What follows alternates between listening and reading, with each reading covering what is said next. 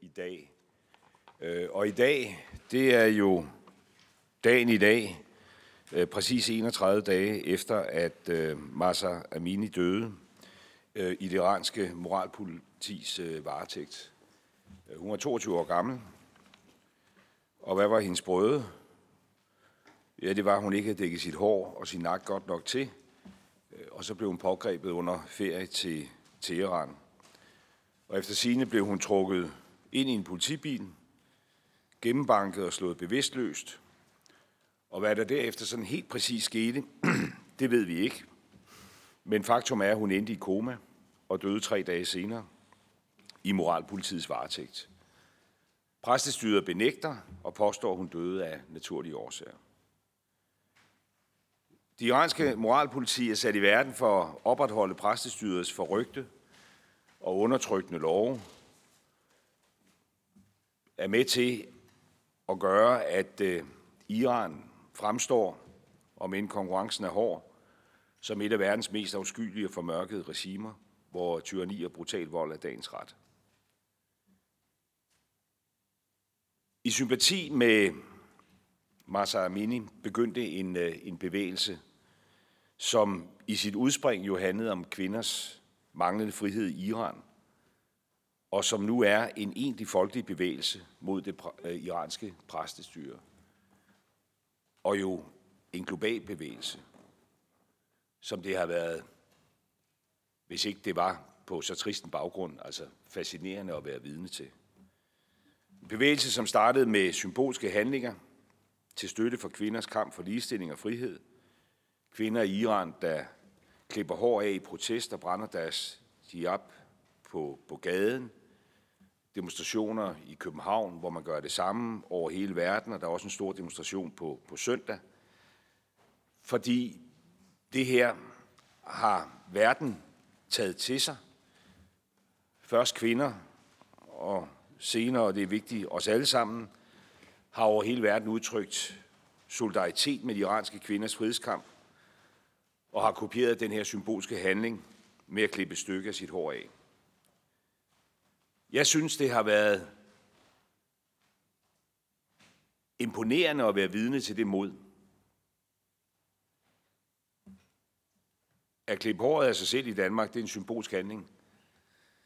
At vise sit hår, klippe i det i Iran, altså, det er en, øh, en ekstrem modig manifestation. Jeg synes også, det har været rørende. Det er jo en kamp, der foregår med deres liv som indsats. Og svaret fra præstestyret har jo desværre, lige så, har jo desværre været lige så brutalt og, og voldeligt, som vi kunne frygte.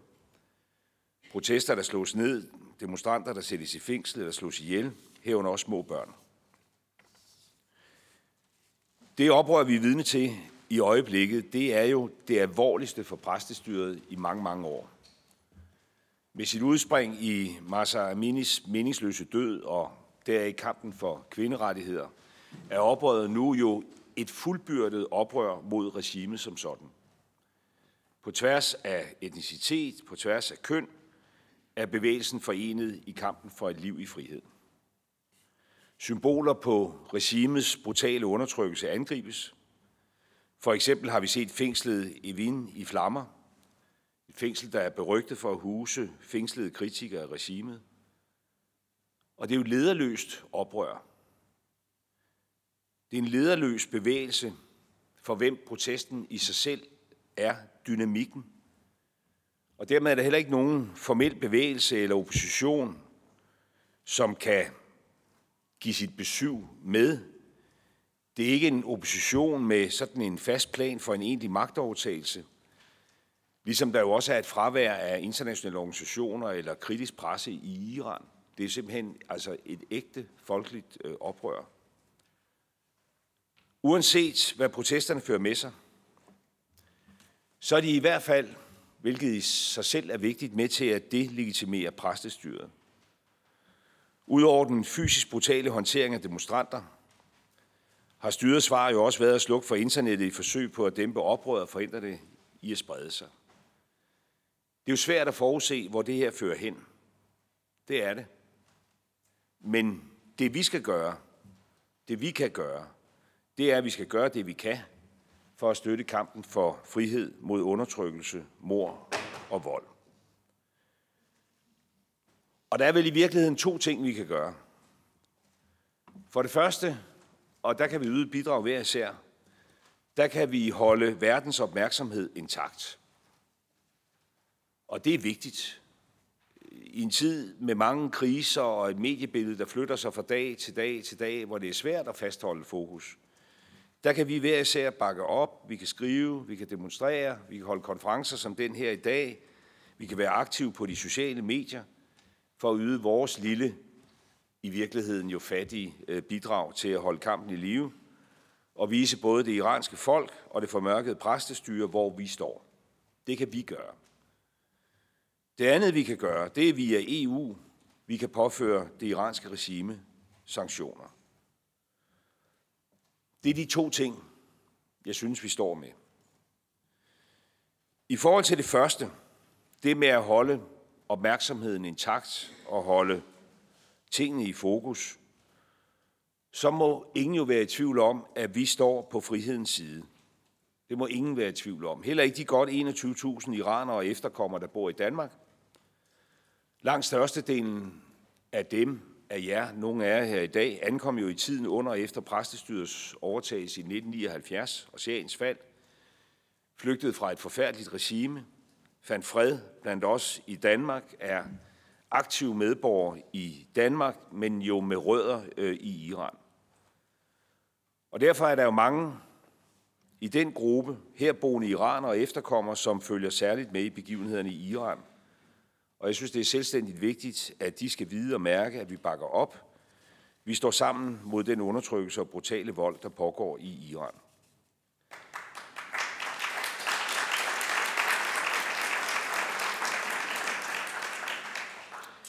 For når et undertrykt folk sætter livet på spil og rækker hånden frem efter friheden, så skal vi gøre, hvad vi kan for at gribe den, gøre, hvad vi kan for, at det lykkes. Det er den ene ting, vi kan gøre, og vi kan gøre noget hver især. I forhold til sanktioner, USA og Kanada har allerede indført sanktioner mod Irans moralpoliti. Den kanadiske regering har meddelt, at den nægter indrejse for 10.000 medlemmer af Irans magtfulde revolutionsgarde. Og i EU drøftes netop her i dag, hvis drøftelserne ikke allerede er færdige, det hele går så stærkt, det kan være svært at følge med, men i hvert fald er det på dagsordenen i dag i Luxembourg, at drøfte EU's reaktioner på præstestyrets brutale håndtering af demonstrationerne. Og hele ideen om EU-aktioner er jo så i øvrigt, kan man sige, aktualiseret af, at, at Iran nu også engagerer sig i Putins krig mod øh, Ukraine.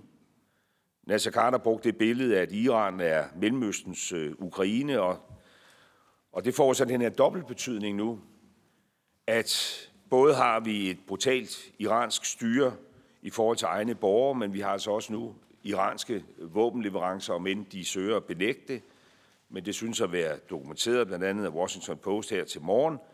Øh, iranske øh, droner og jord-til-jord-missiler, som nu direkte anvendes i Putins brutale kamp mod øh, Ukraine. Og begge dele kalder jo på en hård reaktion fra EU. Både det iranske engagement i Ukrainekrigen og den brutale øh, fremfærd øh, i Iran over for egne borgere. Det glæder mig meget, for alt skal jo ikke være konflikt, selvom vi er i en valgtid, at, øh, at Danmark entydigt har meldt sig ind øh, på den rigtige side, og at øh, Danmarks udenrigsminister, øh, Jeppe Kofod, forud for mødet her i dag, har sagt, at Danmark selvfølgelig stiller sig det rigtige sted. Det er vigtigt, at vi sender et stærkt signal. Som medborger, som europæer. Og så er det også vigtigt lige at reflektere, måske netop i en tid som denne, hvor vi har et folketingsvalg, at øh, det her jo er en genbekræftelse af det, vi alle sammen godt ved, nemlig at, øh, at demokrati og frihed ikke er nogen naturlov, men noget, der skal kæmpes for. I Danmark er det relativt enkelt, for der handler det bare om at gå ned på kommunekontoret og sætte kryds. Øh, det er en fredfyldt affære, selvom blodet, blodet godt kan rulle i årene hos os, der engagerer os i det. Men andre steder i verden, der er det med livet øh, som indsats. og derfor synes jeg også, at det er betimeligt, at selvom vi er i en valgkamp og har så travlt med at diskutere os selv og vores i sammenligningen små problemer, at vi lige husker at holde det her fokus på det, der sker i Iran nu. Så derfor vil jeg bare slutte med det, og så ønske alle sammen en, øh, en, en, en god konference. Og igen tak, øh, Nasser og andre, for at organisere det her. Øh, det er vigtigt. Ha' en god dag.